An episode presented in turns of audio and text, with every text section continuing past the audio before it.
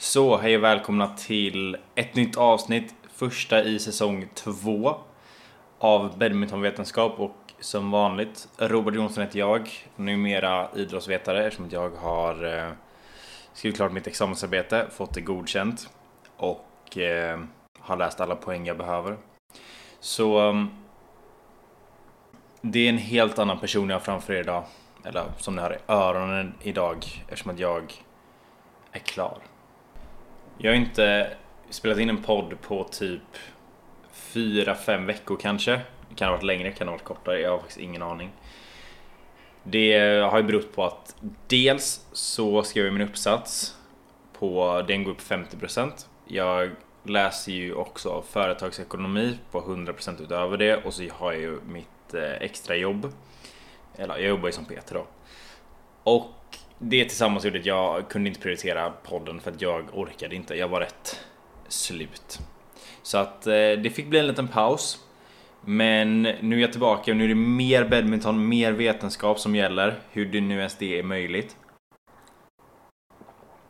Jag vet faktiskt hur det är möjligt, mer vetenskap är definitivt möjligt. Ehm, men eh, det har också varit, eh, jag har faktiskt fått några meddelanden på sociala medierna på at Badminton Science där det var en tjej som frågade om, om lite tips och som bara sa att hon uppskattar podden och det var jättekul att höra. Jag får ju följa det trots att jag inte har uppdaterat. Det är faktiskt väldigt många som lyssnar på podden ändå. Så det, det är skitkul och eh, nu kommer vi köra på här under sommaren med säsong två. Och eh, det kommer bli magnifikt. Så det vi ska prata om idag är lite kortfattat om, om mitt arbete. Sen eh, så ska vi också gå igenom lite sommarträning, vad man kan tänka på där.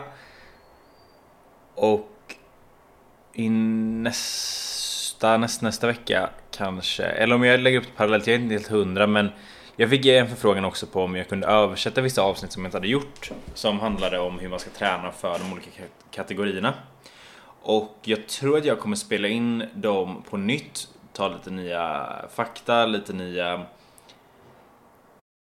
ja, men, saker som jag har insett nu på senare tid och som, som kan vara viktiga att hålla koll på när det kommer till de kategorierna. Och också i takt då med att ja, men, det var väl ett år sedan jag spelade in dem senast. Jag har lärt mig rätt mycket på ett år. Badminton förändras, även om det är väldigt mycket detsamma. Så jag tänker att vi, vi, ska, vi ska börja. Nu kör vi. Det här kommer bli skitkul. Hoppas jag. Annars får ni bara stänga av podden, I guess. Vad vet jag. Men gör inte det för guds skull. Jag behöver lyssna. Så om vi hoppar in i mitt arbete så, så gick ju det ut lite grann på vad man i svensk badminton ska göra för att kunna vinna medaljer på internationella mästerskap.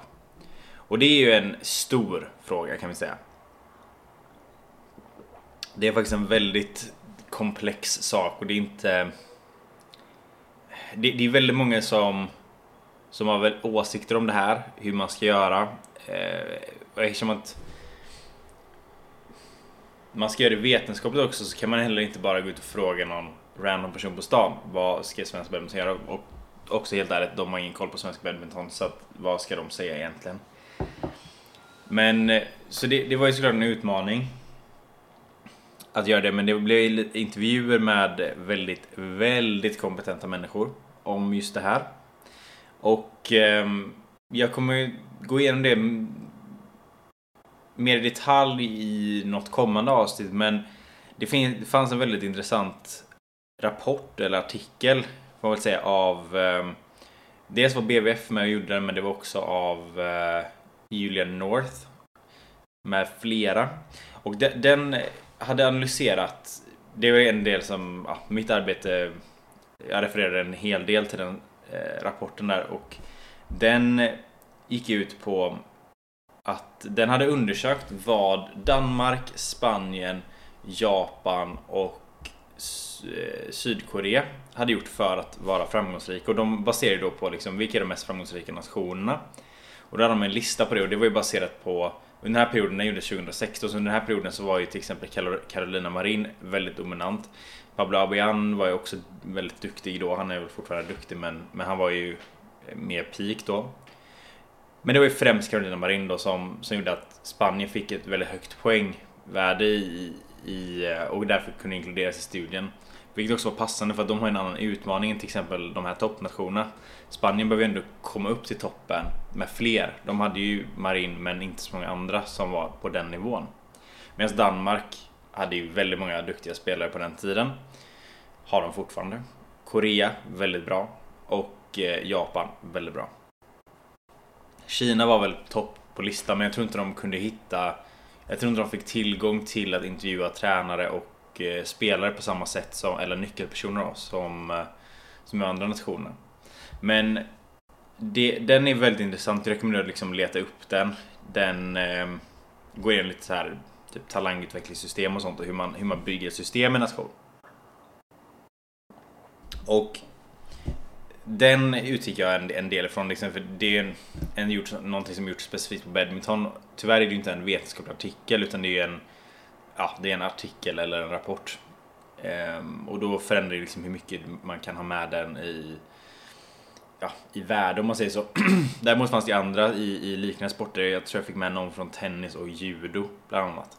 Där man ändå liksom kunde hitta att det finns olika delar som är viktiga för en nation. Det är ju Ja men till exempel att du har en samlad elitträningsmiljö. Liksom. Du behöver ha ett center eller flera center. Och där är det intressant för jag tänker bara, jag ska nämna lite kort med, med vad man kom fram till att när vi pratar träningsfilosofi så det var ingenting jag undersökte så här från den studien om North. När man kollar träningsfilosofi så var det väldigt tydligt att, att just Korea hade väldigt mycket i disciplin och väldigt, väldigt fysiskt starka spelare.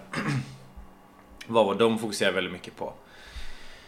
Jag ska faktiskt ta upp det här så att jag inte eh, helt hittar på nu men men eh, de, och det, det ser man när man, när man ser dem spela att liksom det här är fysiskt starka. De är monster rent fysiskt. Så det är, det är liksom en uttalad grej de har att de ska vara väldigt disciplinerade, de ska vara väldigt fysiska. De ska ha mycket, som de säger, fighting spirit. De har inte skrivit, alltså de har liksom inte en vad ska man säga, en, en, en nedskriven modell av hur man blir framgångsrik och, och vad som behövs då. Men om man jämför det här med till exempel Danmark så har ju de mycket, deras träningsfilosofi eller deras, hur man vinner matcher bygger mer på att att ha en taktisk variation, man ska kunna improvisera mer, man ska ha bra deception, alltså man ska kunna eh, Gud, jag tappade svenska ordet på det. Men deception är ju i princip att eh, motståndaren vet inte vad bollen kommer att... Du, motståndaren vet inte vilket slag du kommer slå. Eh, och det är liksom... Det bygger också i samband med... Eller det bygger också på att man har bra teknik och bra taktisk förståelse. Och att man tar mycket eget ansvar för utveckling. Är vad de har... Eh, har skrivit här. Och det, det är intressant. Jag tycker det är... Eh, ja, det, jag tycker det är otroligt kul. Ehm, så att där ser man ju lite skillnad. Vi kan ju se också på om vi går in och kollar mer på träningsinfrastrukturen i till exempel ja, Korea. Ja, här kan vi egentligen gå igenom alla länder och det är bara lite kortfattat här för jag tycker det är så intressant. Men att man har i Sydkorea tre nationella centraliserade program. Så det är i princip tre träningscenter då. Med, liksom det är väldigt starkt kopplat till eh, idrottsvetenskap. Men alltså med du kopplar in forskning i eh, de här centren. I Indonesien däremot, där är det väldigt, väldigt annorlunda. De har ett nationellt träningscenter men de har så fruktansvärt många klubbar. Deras klubbsystem är enormt. Det finns liksom... Det är inte helt säkert hur många klubbar det finns men det kan finnas upp till en halv miljon klubbar i Indonesien. Det är helt galet. Och de jobbar ju på att liksom mer och mer jobba med, med idrottsvetenskap och att skapa ett sånt program. I Danmark så är det ju, ja, där har de ju väldigt stabilt klubbsystem också. Där eh, vissa klubbar är större, där de mindre klubbar liksom kan ha sina spelare på ett, samlas där. Men de har två stora center, framförallt då i Brönnby som är det man känner till, liksom det är där de bästa tränar. Och de har ju också ett idrottsvetenskapligt program. När det kommer till Spanien så har de väldigt många center. De har åtta stycken regionala center och ett, eller varav ett är ett Eh, nationellt träningscenter i Madrid. Också idrottsvetenskap där. Så att det finns Eh, Ja, men det, det, finns liksom så många där grejer. Alla har ju liksom olika de här key success factors då, liksom vad de tror på. Och i Danmark så är det liksom, de tror på ett väldigt starkt klubbsystem. Och det funkar för dem för att de har den kompetensen. Men eh, det är liksom svårt alltså, Eftersom de har haft så många elitspelare som fortfarande är kvar i sporten så kan man också ha det. Liksom, när de, och det är ett så litet land så det är lättare liksom, att flytta och vara tränare på ett ställe. Och då är det ju lättare men Ja, det, det är lite Det är intressant i alla fall. Det är intressant. Nu behöver vi inte grotta oss in för mycket i det här utan det här skulle egentligen bara vara lite introduktion till att nästa vecka så kör vi igång på riktigt. Även om det är otroligt fascinerande och jag tycker om det här väldigt mycket.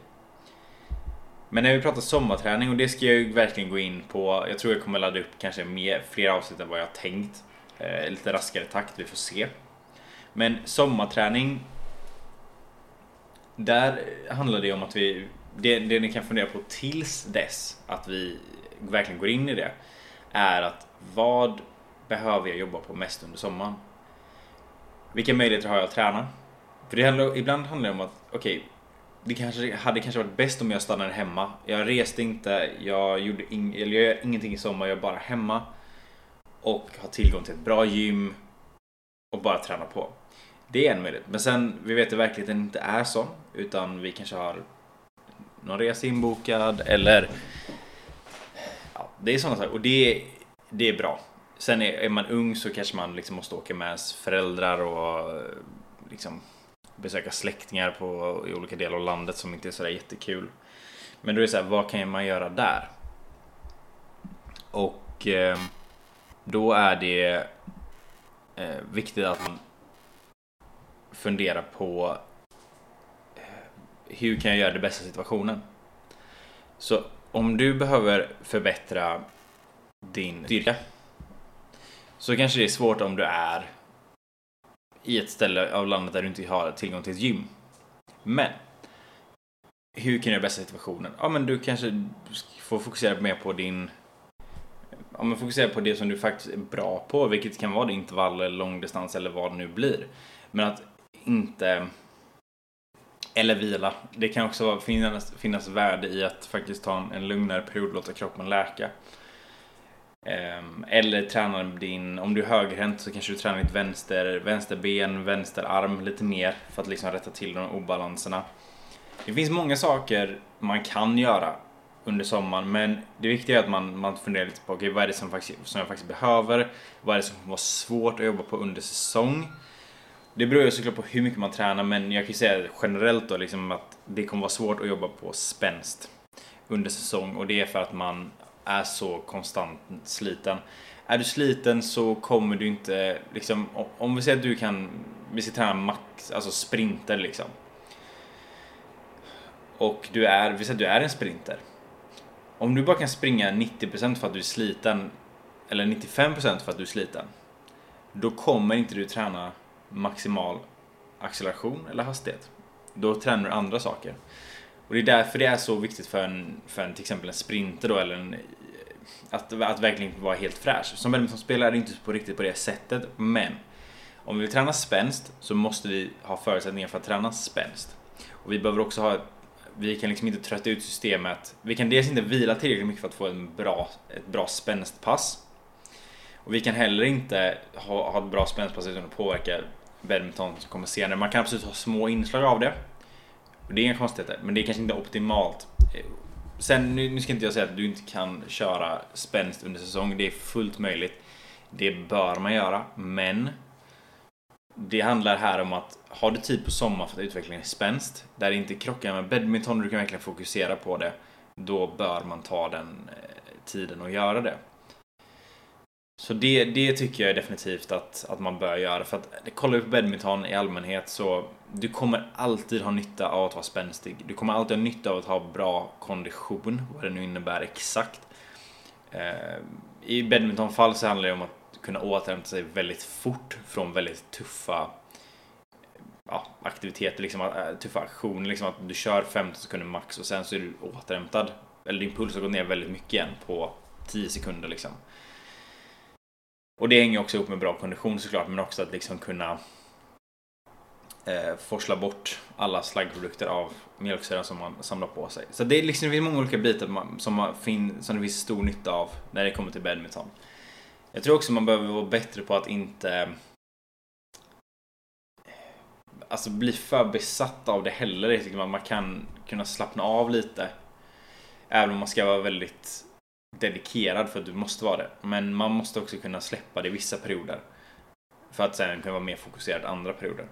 Men om vi ska också ska ta tillfället i akt här att, att prata om. Vi säger då att du måste åka upp och träffa dina släktingar i ah, Värmland eller något. Jag vet inte.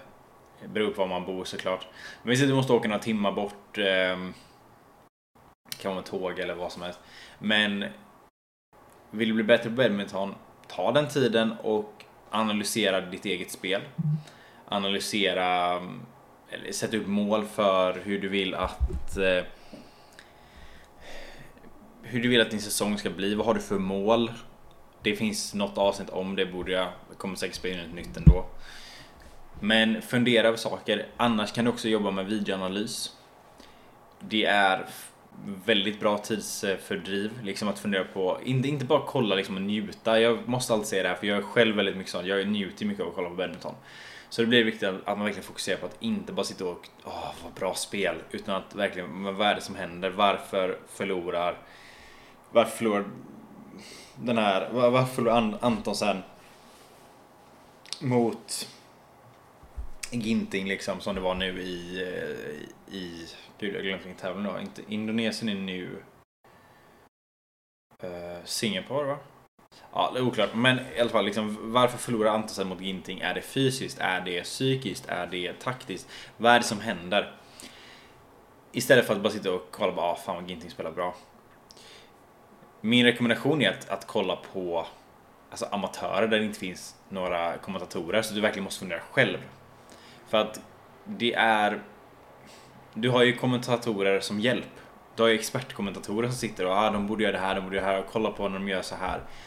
Och det är bra, men om du inte lär dig tänka på det själv så kommer du inte kunna att du kommer liksom inte kunna applicera det ändå för du, kommer, du behöver liksom ha den här dialogen med dig själv i vad det är som händer. Men eh, ja, så det är ju liksom också en grej man kan ta tillvara på under resor till exempel. Men det kan också vara bra att bara slappna av och typ kolla på någonting annat eller läsa en bok eller bara kolla ut och fundera på andra saker. Jag vet inte. Det är upp till er. Det är upp till er. Jag vill i alla fall ta det lilla snacket där för att det känns relevant. Så sammanfattningsvis av det här första, det här är bara liksom en kort introduktion till det som komma skall. Och ja, säsong två har officiellt dragit igång så inom kort kommer det avsnitt om sommarträning, det kommer om hur man ska träna som damsingelspelare med mera. Så ta hand om er nästa vecka så kör vi igång på riktigt. Ha det riktigt, eh, riktigt nice nu. Njut av vädret för att här kommer det bli 27 grader idag. Sitter i Göteborg. Texas Mölndal om det ska vara sån. Men se till att bara njut. Så hörs vi nästa vecka.